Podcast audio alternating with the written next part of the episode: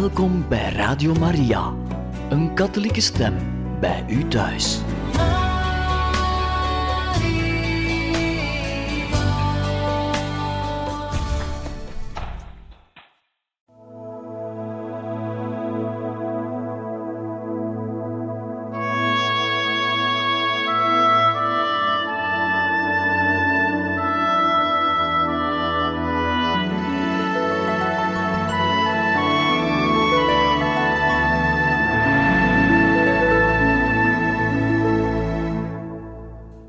Harte welkom, beste luisteraars van Radio Maria, in het programma Heiligen Getuigen.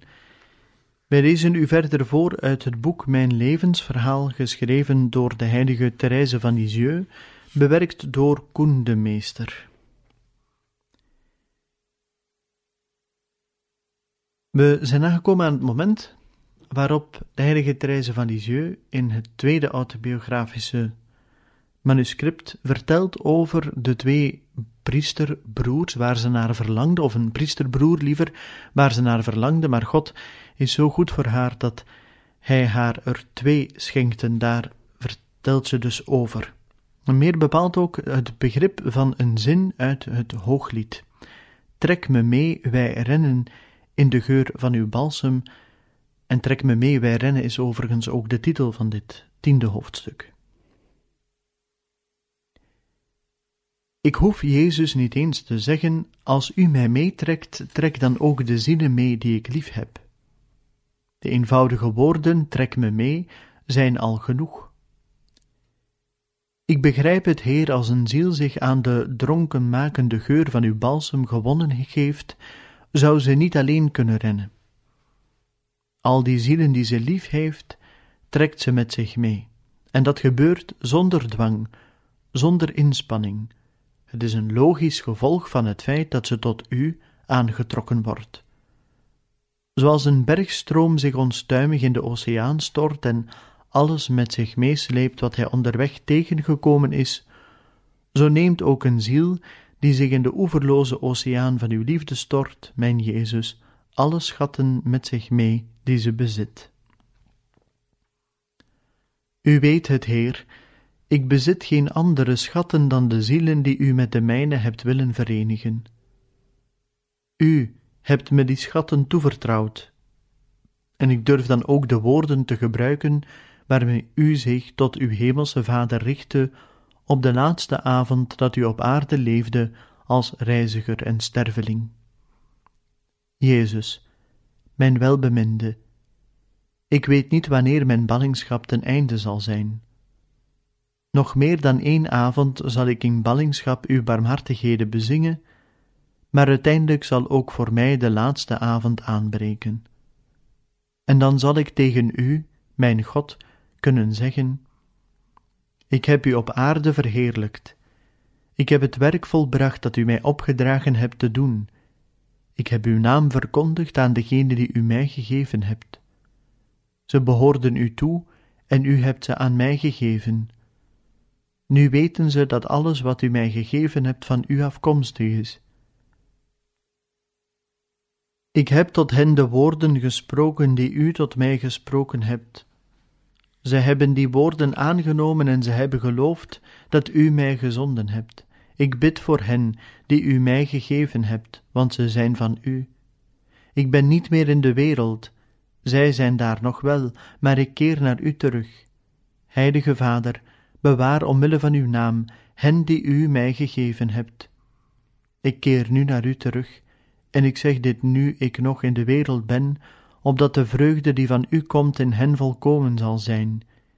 Ik bid u niet ze uit de wereld weg te nemen, maar om ze te beschermen tegen het kwaad.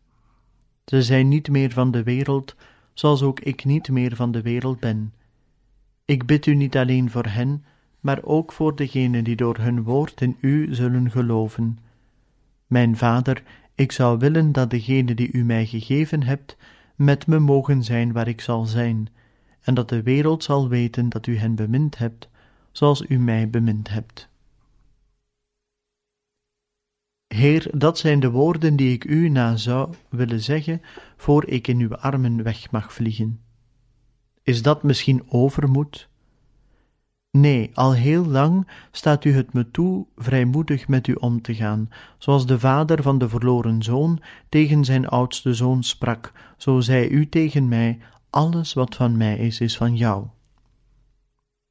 Uw woorden, Jezus, zijn dus van mij, en ik mag die gebruiken om over de zielen die met mij verenigd zijn, de gunsten van de Hemelse Vader te doen neerkomen. Maar als ik zeg, Heer, dat ik zou willen dat degene die u mij gegeven hebt, daar zullen zijn waar ik ben, dan pretendeer ik niet dat ze geen hogere graad van glorie bereiken kunnen dan die welke u me geven wil. Ik wil alleen vragen of we op een dag allemaal verenigd mogen zijn in uw mooie hemel. U weet het, mijn God. Het enige wat ik verlangde was u te beminnen. Ik streef niet naar andere roem. Uw liefde was mij sinds mijn kindertijd voor en is met mij meegegroeid. Nu is hij een afgrond waarvan ik de diepte niet meer peilen kan. Liefde wekt liefde op en zo gaat de mijne uit naar u, Jezus. Ze zou de afgrond willen vullen waardoor ze aangetrokken wordt. Maar mijn liefde is jammer genoeg slechts een dauwdruppeltje, verloren in de oceaan. Om u lief te hebben, zoals u mij lief heeft, zou ik uw eigen liefde moeten lenen, dan alleen zal ik rust vinden. O Jezus, misschien is het een illusie, maar ik denk dat u een ziel niet met meer liefde zou kunnen overladen dan u met de mijne gedaan hebt. En daarom durf ik u vragen hen die u mij gegeven hebt lief te hebben, zoals u mij hebt liefgehad. Als ik op een dag in de hemel zou ontdekken dat u hen meer lief heeft dan mij, dan zal ik me daarover verheugen. Ik erken nu al dat die zielen uw liefde meer waardig zijn dan mijn ziel. Maar hier beneden kan ik me geen grotere liefde voorstellen dan die onmetelijke liefde die u mij om niet en in overvloed hebt willen schenken, zonder enige verdienste van mijn kant. Nu kom ik dan eindelijk weer bij u terug, moeder. Ik ben heel verbaasd over wat ik net opgeschreven heb. Ik was het niet van plan, maar omdat het geschreven is, moet het er blijven staan. Voor ik terugkom op de geschiedenis van mijn beide broers, wil ik u zeggen, moeder, dat ik de eerste woorden die ik aan het evangelie ontleende, dat wil zeggen, ik heb tot hen de woorden gesproken die u tot mij gesproken hebt, enzovoort, niet met mijn broers in verband breng. Ze zijn van toepassing op mijn zusjes. Ik geloof namelijk niet dat ik in staat ben missionaris een onderricht te kunnen geven. Gelukkig ben ik nog niet zo trots dat ik dat zou beweren. Ik zou net zo min mijn zusters raad kunnen geven wanneer u, die voor mij de goede God vertegenwoordigt, mij niet daarvoor de genade geschonken had. Maar ik dacht wel degelijk aan uw dierbare, geestelijke zonen, die mijn broers zijn toen ik deze woorden van Jezus en die daarop volgen opschreef. Ik bid u niet hen uit de wereld weg te nemen. Ik bid u ook voor hen die door hun woord in u zullen geloven. Hoe zou ik immers kunnen nalaten te bidden voor de zielen die zij door hun lijden en prediking in de verre missies zullen redden? Moeder, ik denk dat het nodig is dat ik u nog wat uitleg geef over de passage uit het Hooglied Trek me mee, wij rennen. Ik denk dat wat ik daarover wilde zeggen niet zo begrijpelijk is. Jezus heeft gezegd: Niemand kan tot mij komen als mijn Vader, die mij gezonden heeft, hem niet trekt. Hij leert ons vervolgens door middel van verheven gelijkenissen, en vaak zelfs zonder gebruik te maken van dit middel, waarmee het volk zo vertrouwd is, dat de deur al open gaat als je klopt, dat je al vindt zodra je zoekt, en dat het al voldoende is je hand uit te steken om te verkrijgen wat je vraagt. Hij zegt ook nog dat hij je alles schenken zal wat je aan zijn Vader in zijn naam vraagt. En de Heilige Geest heeft vast om die reden voor de geboorte van Jezus dit profetische gebed gedicteerd. Trek me mee, wij rennen. Wat betekent het eigenlijk als je vraagt om mee te worden getrokken? Dat betekent toch dat je op intieme wijze verenigd wordt met datgene dat je hart weet te boeien. Als vuur en ijzer konden denken en het ijzer tegen het vuur zou zeggen: Trek me mee, zou dan het ijzer ervan getuigen zo zeer één te willen worden met het vuur dat het ervan doordrongen is en in zijn brandende substantie opgenomen wordt? Het ijzer en het vuur lijken dan volkomen één te zijn. Moeder, dit is mijn gebed. Ik vraag aan Jezus mij mee te trekken in de vlammen van zijn liefde en me zo innig met hem te verenigen dat hij in mij leeft en handelt. Ik voel dat hoe meer het vuur van de liefde mijn hart en brand zet, en hoe meer ik zal zeggen: trek me mee, dat alle zielen die met mij in contact zullen komen, met mij een nutteloos stukje schroot, wanneer ik me van de goddelijke vuurgloed verwijderen zou, zij dan des te meer vol snelheid zullen rennen in de geur van de balsem van hun welbeminde. Want een ziel die brandt van liefde kan immers niet inactief zijn. Net als de heilige Magdalena blijft ze aan de voeten van Jezus en luistert naar zijn liefdevolle en vurige woorden. Het lijkt wel of ze niets geeft, maar ze geeft veel meer dan Martha, die zich over zoveel dingen bezorgd maakt en zou willen dat haar zus net zo deed als zij. Jezus neemt haar niet kwalijk dat ze aan het werk is. Zijn moeder heeft zich heel haar nederige leven lang ook aan werk onderworpen. Ze moest immers de maaltijden van de heilige familie klaarmaken. Jezus zou alleen graag die ongerustheid van zijn vurige gastvrouw weg willen nemen.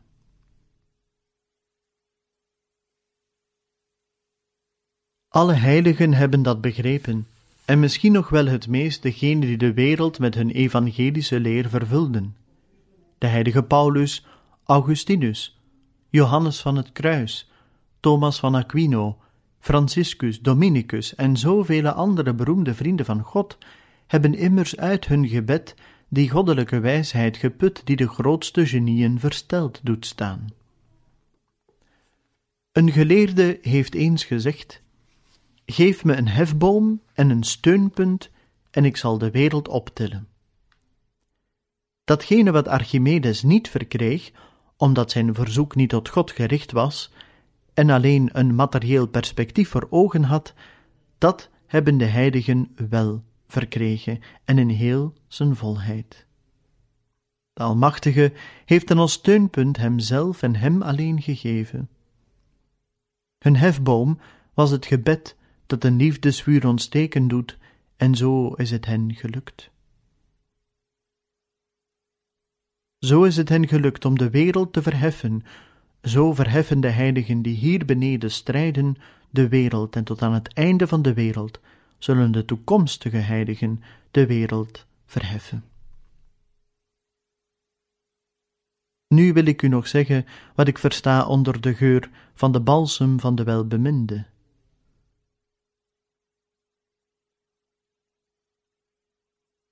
Omdat Jezus weer naar de hemel teruggegaan is, kan ik hem alleen volgen via de sporen die hij nagelaten heeft.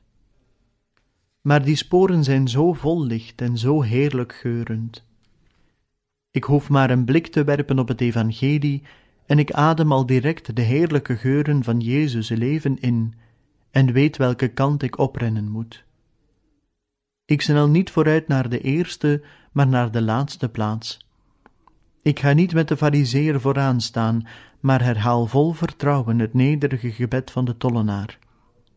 In mijn gedrag volg ik Magdalena na, haar verbazingwekkende, of liever haar verliefde stoutmoedigheid, die het hart van Jezus wist te stelen, trekt me aan. Ik voel dat ik, zelfs als ik alle zonden op mijn geweten had die je maar begaan kunt, me in de armen van Jezus zou werpen met een door berouw vermorzeld hart. Ik weet hoezeer hij de verloren zoon lief heeft, die weer bij hem terugkomt. Het is niet omdat de goede God mijn ziel in zijn voorkomende barmhartigheid voor een doodzonde heeft bewaard, dat ik me tot hem verhef in vertrouwen, in liefde.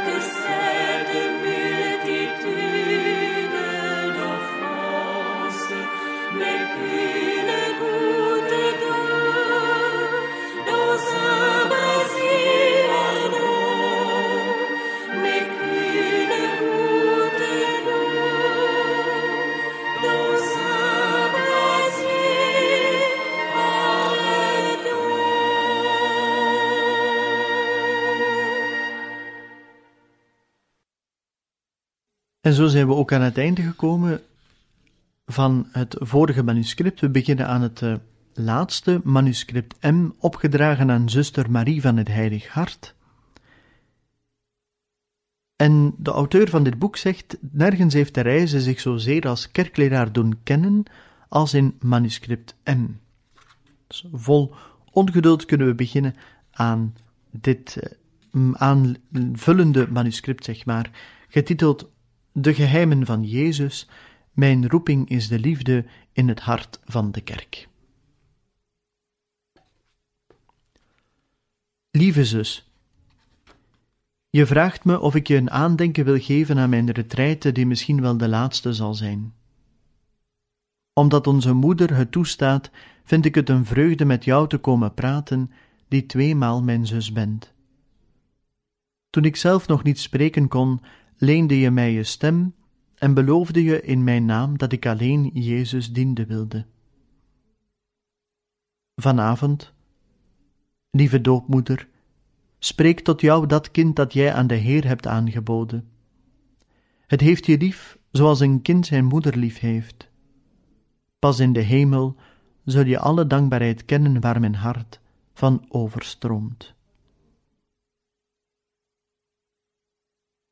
Je zou graag willen horen welke geheimen Jezus aan je dochtertje toevertrouwt.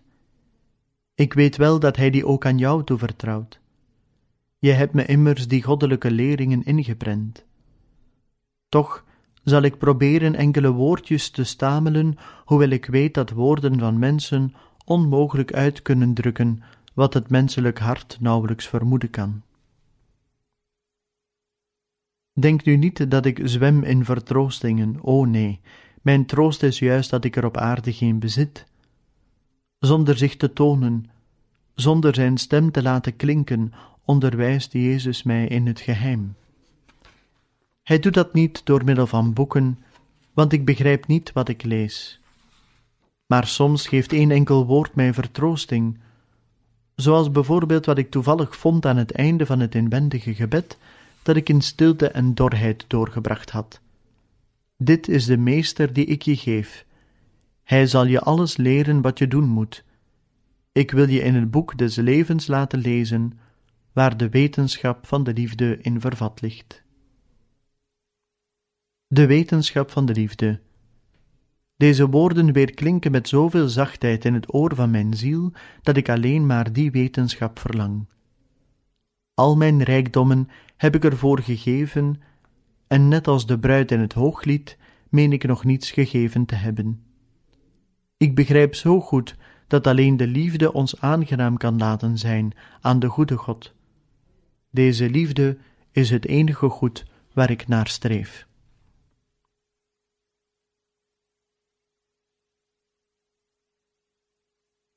Jezus wil mij de enige weg tonen die naar deze goddelijke vuuroven leidt. Het is de weg van de overgave van een klein kind dat zonder angst in de armen van zijn vader insluimert. Als iemand heel klein is, laat hem dan bij mij komen, sprak de Heilige Geest door de mond van Salomo, en diezelfde geest van liefde zei ook nog dat aan de kleinen barmhartigheid betoond wordt. In zijn naam openbaarde de profeet Jezaja ons dat de Heer op de laatste dag zijn kudde zal wijden, de lammetjes zal verzamelen en tegen zijn boezem zal drukken.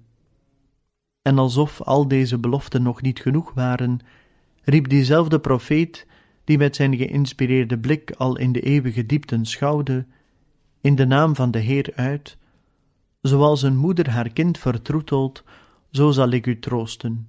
Ik zal u tegen mijn boezem drukken en u koesteren op mijn schoot.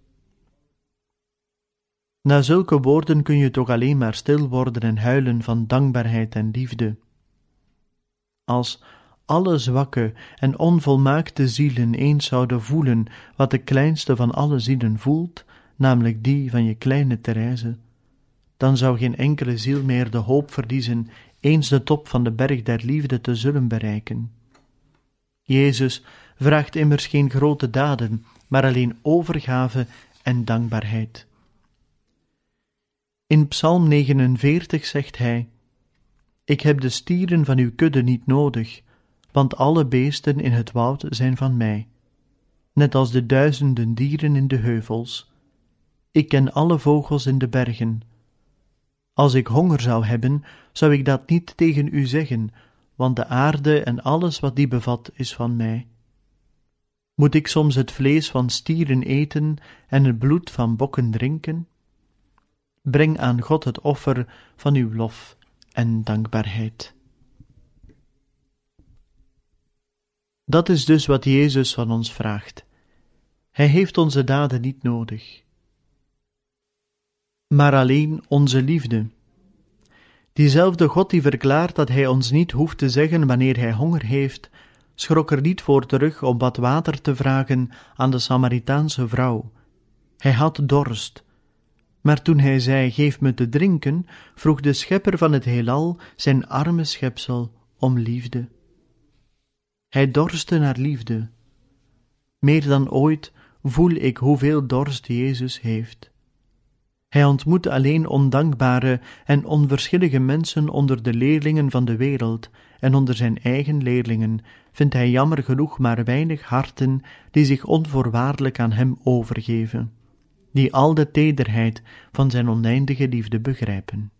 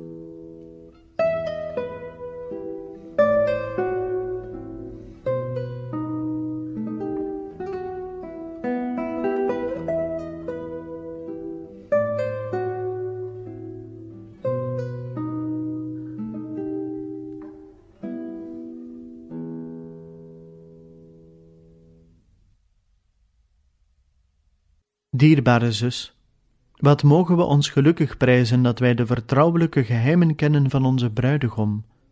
Als je alles op zou willen schrijven wat je ervan afwist, dan zouden we mooie bladzijden kunnen lezen. Maar ik weet het wel, je wilt de geheimen van de koning liever in het diepst van je hart bewaren. Tegen mij zeg je hoe eervol het is de daden van de Allerhoogste te openbaren.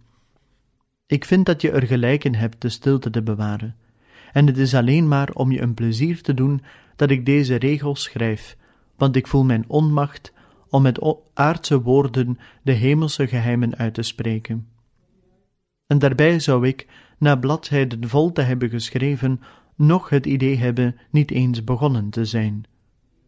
Er zijn zoveel verschillende horizonten, en er is zo'n oneindige variatie aan nuances, dat alleen het palet van de hemelse schilder mij, na de nacht van dit leven, de kleuren geven kan waarmee ik de wonderen zal kunnen schilderen, die hij voor het oog van mijn ziel ontsluiert. Je vroeg me over mijn droom te schrijven en over mijn kleine leer, zoals je dat noemt. Dat heb ik in de bladzijden die hierop volgen gedaan, maar ik heb het zo slecht gedaan dat je het volgens mij onmogelijk kunt begrijpen. Misschien zul je mijn bewoordingen maar overdreven vinden, neem me dat dan niet kwalijk. Dat moet dan aan mijn niet zo aangename stijl van schrijven liggen, want ik verzeker je dat er in mijn kleine ziel geen enkele overdrijving is. Alles is er vredig en in rust. Als schrijvende zal ik me tot Jezus richten, dan kan ik makkelijker mijn gedachten uitdrukken, maar dat neemt jammer genoeg niet weg dat ze slecht uitgedrukt zijn. 8 september 1896 Jezus, mijn welbeminde, wie kan zeggen met hoeveel tederheid en zachtheid u mijn kleine ziel leidt? En hoezeer het u behaagt over mijn ziel zelfs in de naargeestigste storm nog een genadestraaltje te laten schijnen. Jezus, sinds uw triomffeest, het stralende paasfeest, stormde en rommelde het in mijn ziel. En toen ik op een zaterdag in de meimaand aan de geheimvolle dromen dacht, die aan bepaalde zielen soms gegeven worden, zei ik bij mezelf dat dat toch wel een heel aangename vertroosting zou zijn maar toch vroeg ik er niet om. Toen ik s'avonds naar de wolken keek die de hemel bedekten, zei mijn kleine ziel nog eens dat mooie dromen niet voor haar weggelegd waren, en ze viel tijdens die storm in slaap. De volgende dag was het 10 mei, de tweede zondag in de Mariamaand. Misschien was het wel de verjaardag van de dag waarop de heilige maagd aan haar bloempje een glimlach had willen schenken. Bij het eerste schijnsel van de dageraad bevond ik mij in mijn droom in een soort galerij. Er waren daar nog meer mensen, maar die waren verre weg. Alleen onze moeder was bij me. Plotseling zag ik drie karmelitessen die gekleed waren in hun koormantels en hun grote sluiers droegen.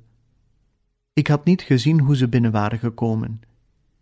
Ik had de indruk dat ze voor onze moeder kwamen, maar het was me wel duidelijk dat ze uit de hemel afkomstig waren.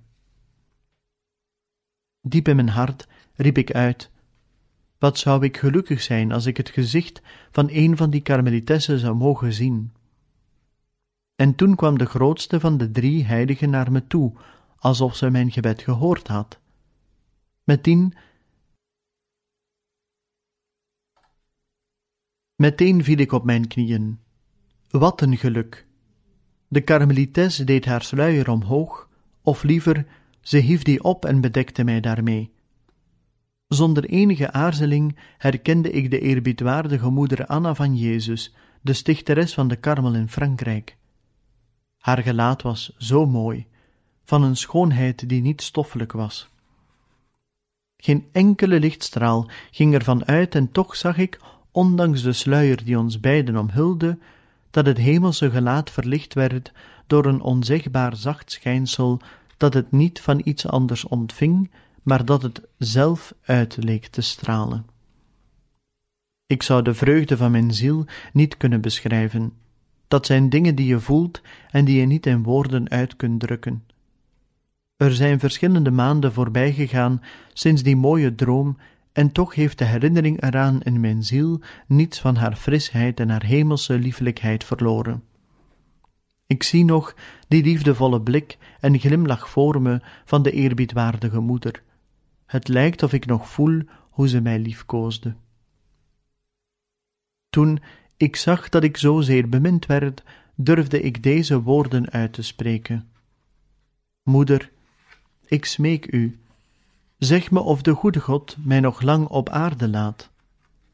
Komt hij me snel halen? En met een tedere glimlach zei de heilige zacht: Ja, al gauw, al gauw, dat beloof ik je. Moeder, zei ik nog, zeg me of de goede God niet nog iets anders van me vraagt dan mijn arme kleine daden en mijn verlangens. Is hij tevreden over mij? Er kwam een glimlach op het gezicht van de heilige, die onvergelijkelijk veel liever en zachter was dan de eerste keer dat ze tot mij gesproken had. Er was geen fijner antwoord mogelijk dan haar blik en liefkozingen. Toch zei ze nog tegen me: De goede God vraagt niets anders van je. Hij is tevreden, erg tevreden. Nadat ze me met nog meer liefde gestreeld had dan de tederste moeder met haar kind zou doen, zag ik haar weggaan. Mijn hart was vol vreugde, maar opeens dacht ik aan mijn zussen en ik wilde nog om enkele genaden vragen voor hen, maar jammer genoeg werd ik wakker. Toen was er geen gerommel van onweer meer, Jezus, de hemel was vredig en sereen. Ik geloofde en wist dat er een hemel is, en dat die hemel vol zielen is, die mij liefhebben en naar me kijken als naar hun eigen kind. Dat is de indruk die ik in mijn hart bewaar. En die is des te sterker omdat de eerbiedwaardige moeder Anna van Jezus mij voordien helemaal onverschillig had gelaten. Ik had haar nooit aangeroepen, en ze kwam alleen in gedachten als ik over haar hoorde spreken, wat niet vaak gebeurde. En toen ik dan ook begreep hoeveel ze van me hield en hoezeer ik haar ter harte ging, werd mijn ziel vervuld van liefde en dankbaarheid, niet alleen voor de heilige die mij bezocht had, maar voor alle gelukzalige hemelbewoners. En zo, beste luisteraars, zijn we aan het einde gekomen van deze aflevering van het programma Heiligen Getuigen. We zijn aan het laatste hoofdstuk begonnen van dit uh, boek dat we voorlezen, het boek Mijn levensverhaal, geschreven door de heilige Therese van Lisieux, zelf en bewerkt door Koen de Meester. Volgende keer, in de laatste aflevering, leren we nog wat meer over wat zij heeft geschreven aan die zuster van haar, niet alleen zuster in de karmel, maar ook haar eigen zus, haar biologische zus was. En dan leren we nog wat meer over die droom en de betekenis ervan. En dan hoop ik dat u er ook een volgende keer kan bij zijn. Van harte dank en nog een bijzonder fijne dag gewenst.